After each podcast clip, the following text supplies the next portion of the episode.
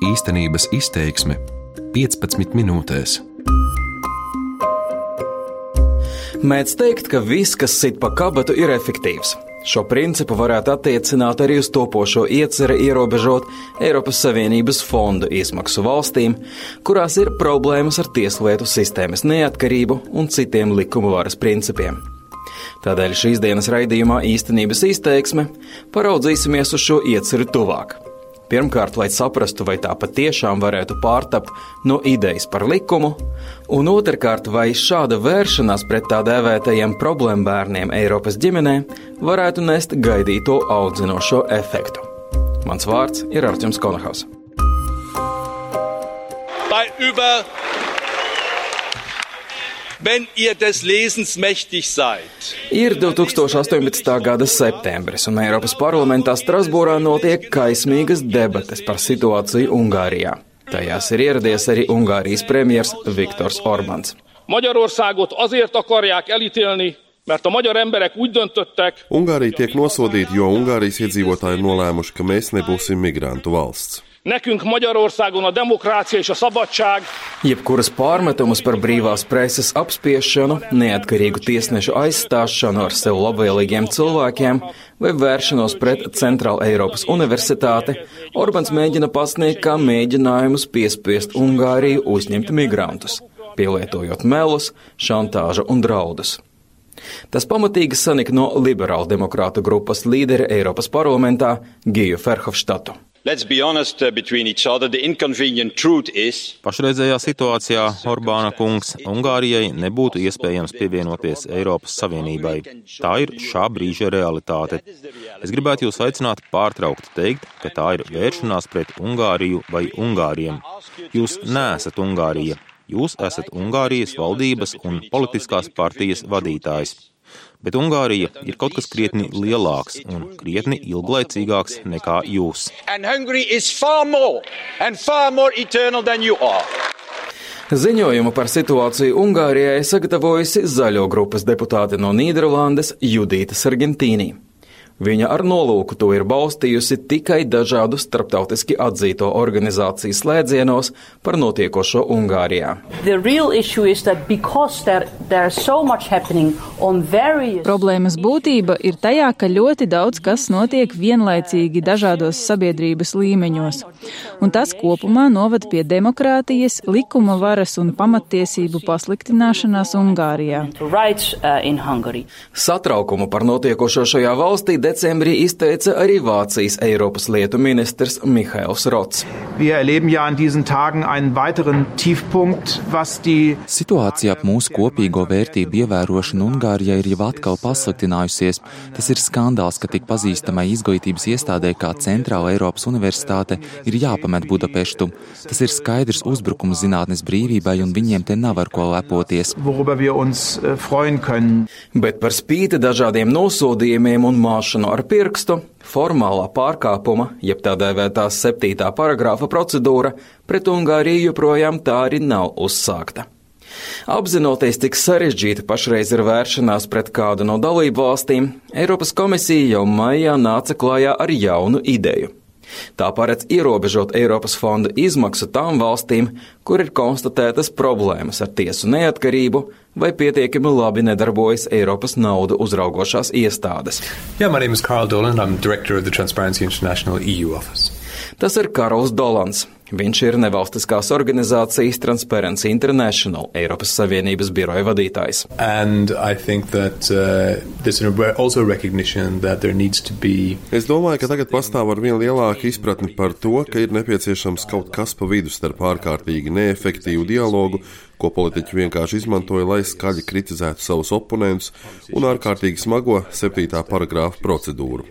Būtībā visi atzīst, ka nekas tāds netiks iedarbināts, jo tas ir ļoti radikāls solis. Balstiesību atņemšana kādai valstī pēc būtības ir pielīdzināma tās atstādināšanai.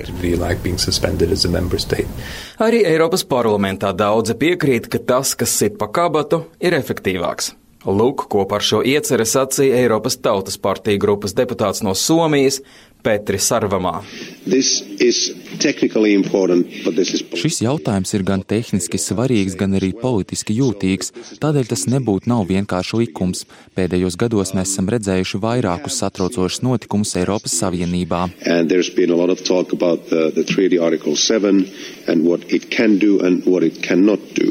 Tādēļ es uzskatu, ka šis Eiropas komisijas priekšlikums ir ārkārtīgi būtisks. Tas ļaus mums iegūt skaidru mehānismu rīcībai gadījumos, ja kaut kur pastāv problēmas ar likuma varas ievērošanu. Sarvamā ir viens no deputātiem, kurš ir atbildīgs par šīs jaunās ieceres virzību parlamentā. Tomēr var paredzēt, ka tā diez vai tiks līdz galam apstiprināta vēl šī Eiropas parlamenta sasaukuma laikā, lai gan atbalsts tai ir visai liels. Te jāsaka, ka Ungārija nebūtu nav vienīgā valsts, par kuru varētu būt domājuši tie, kuri rosina ierobežot pieeju Eiropas fondiem valstīm ar problēmām tieslietu sistēmā un ar demokrātiju kopumā. Liels satraukums Briselē joprojām ir arī par notiekošo Polijā. Eiropas komisijas pirmajam priekšsēdētāja vietniekam Francam Timermansam, tā arī nav izdevies atrast kopīgo valodu ar valdošajiem spēkiem Varšavā. E Tieslietu sistēmas neatkarība ir pamatnosacījums, lai Eiropas Savienība varētu pastāvēt kā kopiena, kas balstās uz likumiem Tādēļ ir būtiski, lai visas puses uzņemtos atbildību, lai panāktu, ka tas tiek ievērots arī Polijā. Un es joprojām ceru, ka kādreiz mēs nonāksim līdz konstruktīvam dialogam. Uh, sadly, I could not be optimistic and I'm worried about developments. Līdz šim par visefektīvāko Briseles soli ir izrādījusies vēršanās pret Poliju Eiropas Savienības tiesā. Decembra beigās tā lika nekavējoties atjaunot pensionētos augstākās tiesas tiesnešus. Kā zināms, polijas valdošie politiķi pazemināja augstākās tiesas tiesnešu pensionēšanās vecumu, lai būtībā atbrīvotos no daļas tiesnešu. Brisele uzskata, ka tas ir pretrunā ar tiesas neatkarības principu. Pret šo reformu asi iestājās arī polijas augstākās tiesas priekšsēdētāji.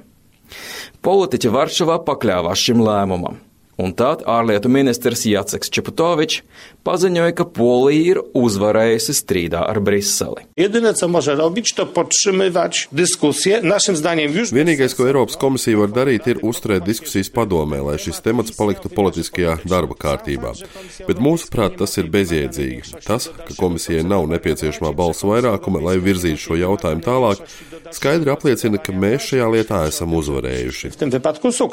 Zināmā mērā Polijas Polijas ārlietu ministram ir taisnība. Pašreiz pārējās Eiropas Savienības valstis nav gatavas izmantot vissmagākos ieročus pret Varšavu un atņemt tai balstiesības Eiropas Savienības padomē. It sevišķi tādēļ, ka šo lēmumu bloķētu Ungārijas premjers Orbāns. Tomēr tas nebūtu nenozīmē, ka notiekošais Polijā visiem patīk. Tādēļ arī radās vajadzība pēc jauna rīka, kas iesistu pa kabatu.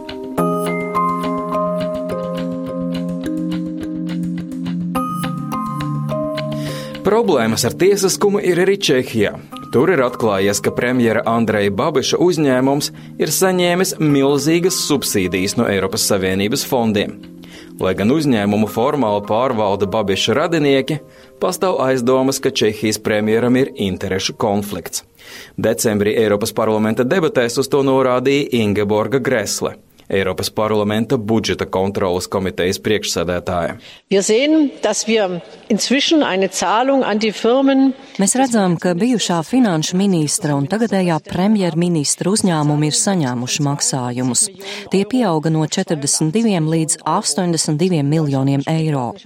Kā finanšu ministrs šis cilvēks ir vadījis arī Eiropas fondu audita iestādi un ir zināms, ka viņš ir iejaucies tās veiktajās pārbaudēs. Tagad, kā premjers, viņš vada struktūra fondu projektu komiteju, kas nosaka prioritātes. Babišs ir viens no turīgākajiem cilvēkiem Čehijā. Savā atbildes vēstulē viņš ir solījis labot iespējamo interešu konfliktu. Tomēr vācu izcelsmes deputāte Gresle tam netic. Die Art und Weise, wie uns auf der Nase herumgetanzt wird. Mani šokē tas, kā mūs vazā aiz deguna. Ir bijis tik daudz melu. Jā, esmu savulaik tikusies ar premjerministru. Toreiz viņš bija finanšu ministrs, un es viņam noticēju. Tā bija mana kļūda, jo mēs uz ļoti ilgu laiku apturējām darbu. Bet viņš nav izdarījis itin neko no tā, ko ir solījis, un man ir bail, ka tagad būs tieši tāpat. Ar šo visu turpmāko pusgadu būs jānodarbojas Rumānijai, jo tā janvārī ir pārņēmusi prezidentūru Eiropas Savienības padomē. Ironiski, kā arī par šīs valsts valdošo politiķu rīcību izskan nemazums kritikas.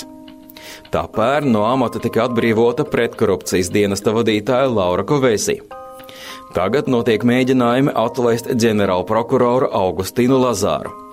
Tāpat tiek spērta soļi, lai grozītu kriminālu likumu ar mērķi mīkstināt sodus par korupciju un izsludināt amnestiju par korupciju notiesātajiem politiķiem. Tas vasarā izsauca masveida iedzīvotāju protestus Bukarestē. Pret šo soli iebilst arī Rumānijas prezidents Klaus Johannis. Viņš cer, ka par amnestiju vairs vispār netiks runāts. my hope is that uh, the amnesty will not be discussed. Rumānijas prezidentam ir radies iespējas, ka vairums valdošās koalīcijas deputātu ir sapratuši, ka korumpēto politiķu amnestija radītu milzīgas problēmas. Tāpat Johannes atzīst, ka Rumānijai ir problēmas ar valsts tēlu.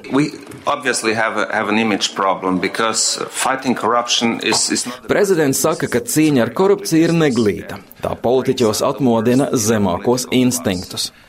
Un, ja šī cīņa ir veiksmīga, tad notiek nemitīga pretošanās un tiek izteikti visdažādākie apvainojumi. Tomēr Rumānijas valsts vadītājs uzstāja, ka viņš ir apņēmības pilns atbalstīt šo cīņu, un arī prokurori tam ir gatavi. Zīmīgus vārdus prezidentūras atklāšanas ceremonijā no Greznās koncerta zāles skatuves sacīja arī Rumānijas senāta priekšsēdētājs Kalins Popesku. As a reminiscence of the communist past, Kā komunistiskās pagātnes atbalsts, atsevišķi politiķi un iestādes joprojām turas pie nekontrolētas varas, ko viņi iepriekš ir baudījuši. Šie cilvēki ir aizvietojuši sociālistisko likumības ideoloģiju ar likuma varu. Tajā pat laikā viņi saglabā vecos ieradumus un nevēlēšanos atskaitīties nevienam priekšā to pašu, ko viņi visi baudīja līdz 1989. gadam. Rumānijas tēlam nav palīdzējis arī tas, ka sociāldemokrātu partijas līderis Livio Drakņā kurš tiek uzskatīts par vienu no ietekmīgākajiem politiķiem valstī, ir vērsies tiesā pret Eiropas komisiju. Politiķiem nesot paticis Eiropas Savienības krāpniecības apkarošanas dienesta Olaf ziņojums kur ar viņu saistītais uzņēmums tiek apsūdzēts Eiropas fondu izkrāpšanā. Tomēr Rumānijas ārlietu ministrs Teodors Miliškāno uzstāja, ka tas nesot nekas īpašs.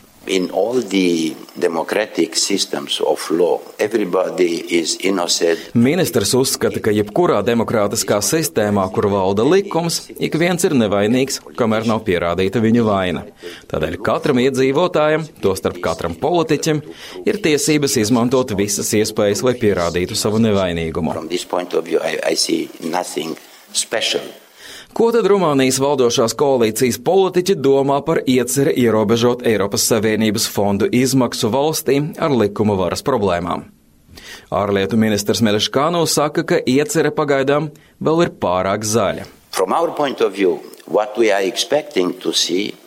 is uh, Mēs gribētu redzēt skaidrāku priekšlikumu, lai saprastu, kas tas īsti ir un kā tas darbosies. Šobrīd es jums nevaru pateikt, kāds būs galīgais lēmums. Tas ir atkarīgs no tā, kas notiks un kādi būs šīs ieceres elementi. Kā tiks pieņemts šāds lēmums, kurš to varēs apstrīdēt. Tas ir kaut kas pilnīgi jauns.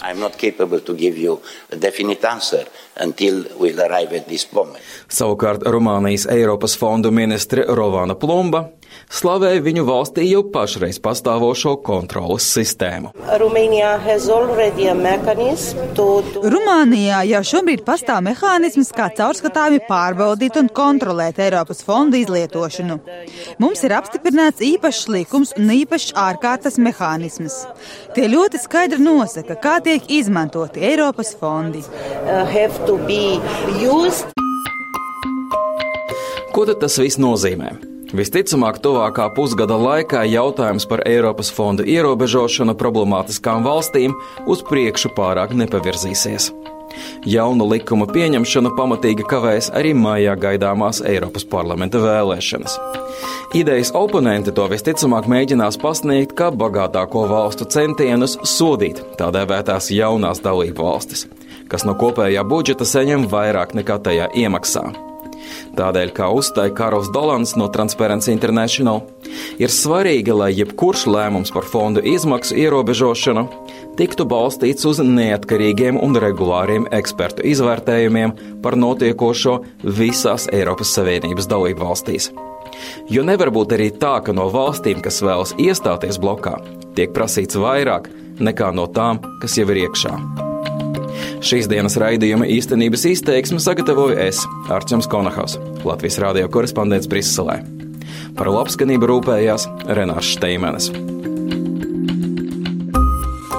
Īstenības izteiksme 15 minūtēs.